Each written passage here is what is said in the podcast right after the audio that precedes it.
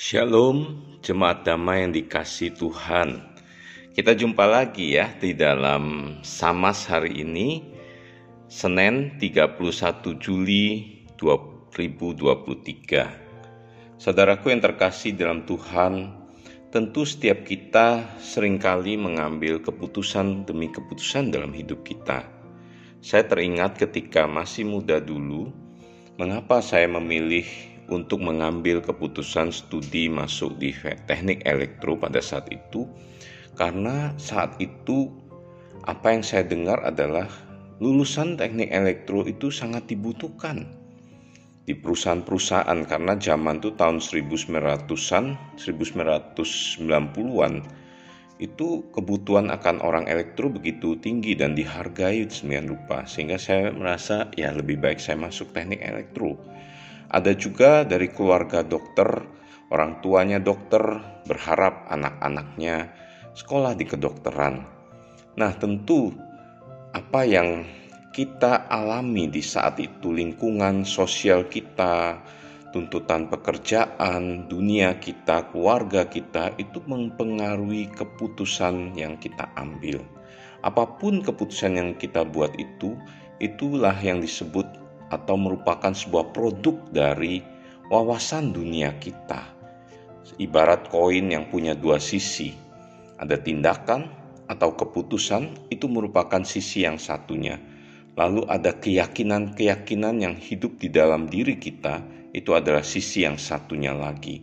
Nah, keduanya itu tidak dapat dipisah. Nah, itu yang disebut dengan world view atau wawasan dunia dan tindakan itu merupakan pasangan yang tidak dapat dipisahkan kedua hal itu. Nah, sama hari ini akan saya beri judul tentang worldview or Christian worldview. Untuk itu kita akan membaca firman Tuhan di dalam Kolose 2 ayat yang ke-8. Demikian, Kolose 2 ayat 8, hati-hatilah supaya jangan kamu jangan ada yang menawan kamu dengan filsafatnya yang kosong dan palsu menurut ajaran turun temurun dan roh-roh dunia tetapi tidak menurut Kristus. Saudaraku yang terkasih, Rasul Paulus menuliskan surat ini kepada jemaat di Kolose karena saat itu jemaat Kolose di dalam sebuah situasi konteks yang begitu dipengaruhi oleh worldview, pandangan atau wawasan dunia Yahudi yang begitu kental dengan legalisme, yang begitu kental dengan aturan-aturan dan sebagainya yang sesungguhnya tidak bersumber kepada Kristus. Demikian juga jemaat Kolose tinggal di dalam kehidupan yang dipengaruhi oleh Helenisme, budaya atau filsafat Yunani yang begitu kuat, di mana filsafat Yunani yang begitu mengutamakan uh, pemisahan antara duniawi dan yang rohani, sehingga lahirlah waktu itu ajaran Gnostik yang mana mengatakan bahwa dunia atau materi itu jahat, tetapi yang roh yang uh, di sana, yang uh, di alam sana itu adalah baik. Jadi memisahkan antara dunia sekuler dan yang rohani, sekret dan sekuler seperti itu. Nah, dalam konteks seperti inilah Rasul Paulus menuliskan kepada jemaat Kolose untuk berhati-hati. Jangan sampai worldview yang dihidupi oleh jemaat Kolose itu mempengaruhi mereka, menawan mereka dengan filsafat yang kosong dan palsu itu dan menurut ajaran turun-temurun yaitu pengajaran-pengajaran Yahudi yang turun-temurun mengutamakan tentang legalisme dan sebagainya. Demikian juga roh-roh dunia dan tidak menurut kepada Kristus. Saudara yang terkasih, inilah yang namanya worldview. Worldview itu apa? Itu adalah sebuah istilah kata yang diterjemahkan dari bahasa Jerman sungai Weltanschauung dan ini digulirkan oleh seorang bernama Immanuel Kant.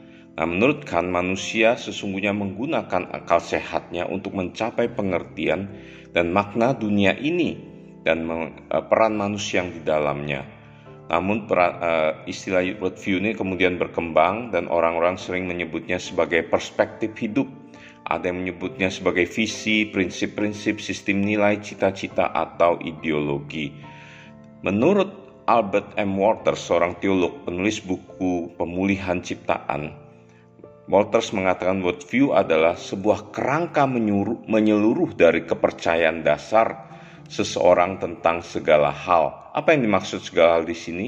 Adalah segala hal termasuk realitas dunia, manusia, moralitas, keluarga, politik, ilmu pengetahuan, seni, bisnis, pertanian, perikanan, dan semua bidang termasuk cakupan budaya, bahkan dunia spiritualitas pun termasuk dalam cakupan segala hal ini. Sehingga kita bisa melihat bahwa cakupan dari worldview itu begitu luas. Nah, worldview atau yang disebut dengan wawasan dunia itu meliputi kepercayaan dasar dari seseorang yang dimaksud kepercayaan di sini bukanlah agama seperti yang kita ketahui agama-agama yang ada di muka bumi ini ya. Nah, worldview itu tidak bisa disamakan dengan agama. Seorang bisa disebut sebagai beragama Kristen, tetapi warna worldview-nya itu tidak Kristen. Worldview-nya diwarnai oleh keyakinan yang lain, misalnya dipengaruhi oleh liberalisme, atau isme-isme lain, hedonisme, sekularisme, humanisme, dan seterusnya. Jadi sesungguhnya ada perbedaan antara kepercayaan dasar yang sungguh-sungguh dengan agama yang dianutnya. Nah, saya akan memberikan satu gambaran contoh worldview yang mempengaruhi seseorang walaupun dia seorang Kristen. Misalnya, seorang hamba Tuhan yang mengkotbahkan firman Tuhan bisa mengatakan bahwa worldview yang dipengaruhi oleh karena dunia yang begitu makmur maju bahwa sebagai orang Kristen kita adalah anak-anak Allah sehingga sebagai anak-anak Allah kita anak raja sebagai anak raja jadi kita harus punya mobil, punya rumah dan seterusnya sebagai anak raja kita harus penuh sukacita berkemenangan di dalam Tuhan yang memberikan janji-janji berkat-berkat yang begitu luar biasa. Ini firman Tuhan dikotbahkan sedemikian rupa. Karena apa? Dipengaruhi oleh worldview dunia, pandangan wawasan dunia tentang kemakmuran, tentang kenyamanan, hedonisme, sekularisme, materialisme, dan sebagainya. Ada juga, saya kasih contoh misalnya, orang tua yang membesarkan anak. Nah, minggu-minggu yang lalu kita belajar tentang anak ya. Membesarkan anak. Anak itu sebagai milik yang harus dididik, dibesarkan sebagai sebuah kompetisi, dipersandingkan atau dipersaingkan dengan anak-anak yang lain. Sehingga anak itu harus mendapatkan nilai yang baik. Ulangan tuh harus perfect, sempurna, dapat nilai 10. Kalau 9 itu jelek, harus ikut kursus sana dan sini. Apakah itu salah? Tidak. Tetapi ketika yang dipengaruhi oleh wawasan dunia sekitar yang menyatakan tentang anak itu adalah barang milik yang harus diolah semikian rupa, itu menjadi sesuatu yang sangat humanisme sekali. Menjadikan anak adalah produk kebanggaan diri orang tua. Tetapi kita sudah belajar bukan minggu yang lalu bahwa anak itu bukanlah milik kita.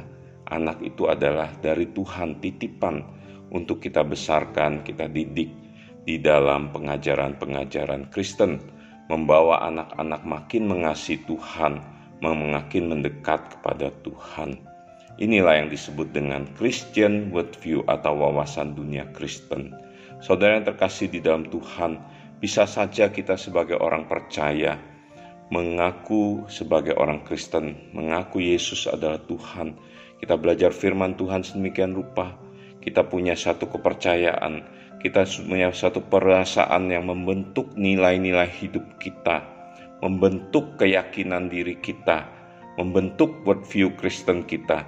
Tetapi ketika pengalaman-pengalaman hidup yang begitu mendesak kita, mendorong kita, merongrong kehidupan kita, menggoyahkan iman kita, menarik kita kepada wawasan dunia seperti tadi khotbah-khotbah dari hamba Tuhan tentang sebagai anak Tuhan, anak raja harus ini, harus itu dan sebagainya diberkati. Itu betul-betul pengalaman di sekitar yang begitu rupa, menarik, menawan dengan materialisme, sekularisme, hedonisme dan sebagainya. Itu bisa merongrong menggelusi iman percaya kita sehingga akhirnya kita tertawan oleh pengajaran-pengajaran dunia yang kosong itu. Saudaraku, apa worldview Anda? Apakah Anda dipengaruhi oleh wawasan dunia? Ataukah Anda saat ini dipengaruhi oleh wawasan dunia Kristen? Biarlah setiap kita terus bersandar hanya kepada Tuhan, mengandalkan Dia, sehingga kita memiliki wawasan dunia Kristen yang benar di hadapan Tuhan. Dengan rendah hati kita datang kepada Tuhan, memohon anugerahnya untuk memiliki wawasan dunia Kristen yang sesungguhnya di dalam Tuhan. Mari kita berdoa. Tuhan Yesus terima kasih kalau Engkau menganugerahkan kepada kami iman, Engkau menganugerahkan kepada kami Alkitab, firman Tuhan yang menuntun kami, membentuk kami di dalam wawasan berpikir kami untuk boleh melihat hidup dunia ini. Tuhan tolong kami dengan anugerah pertolongan roh kudus, mampukan kami untuk boleh menangkap Christian worldview itu dan itu boleh mempengaruhi kami di dalam menjalani hidup ini. Terima kasih Tuhan. Dalam nama Tuhan Yesus kami berdoa. Amin.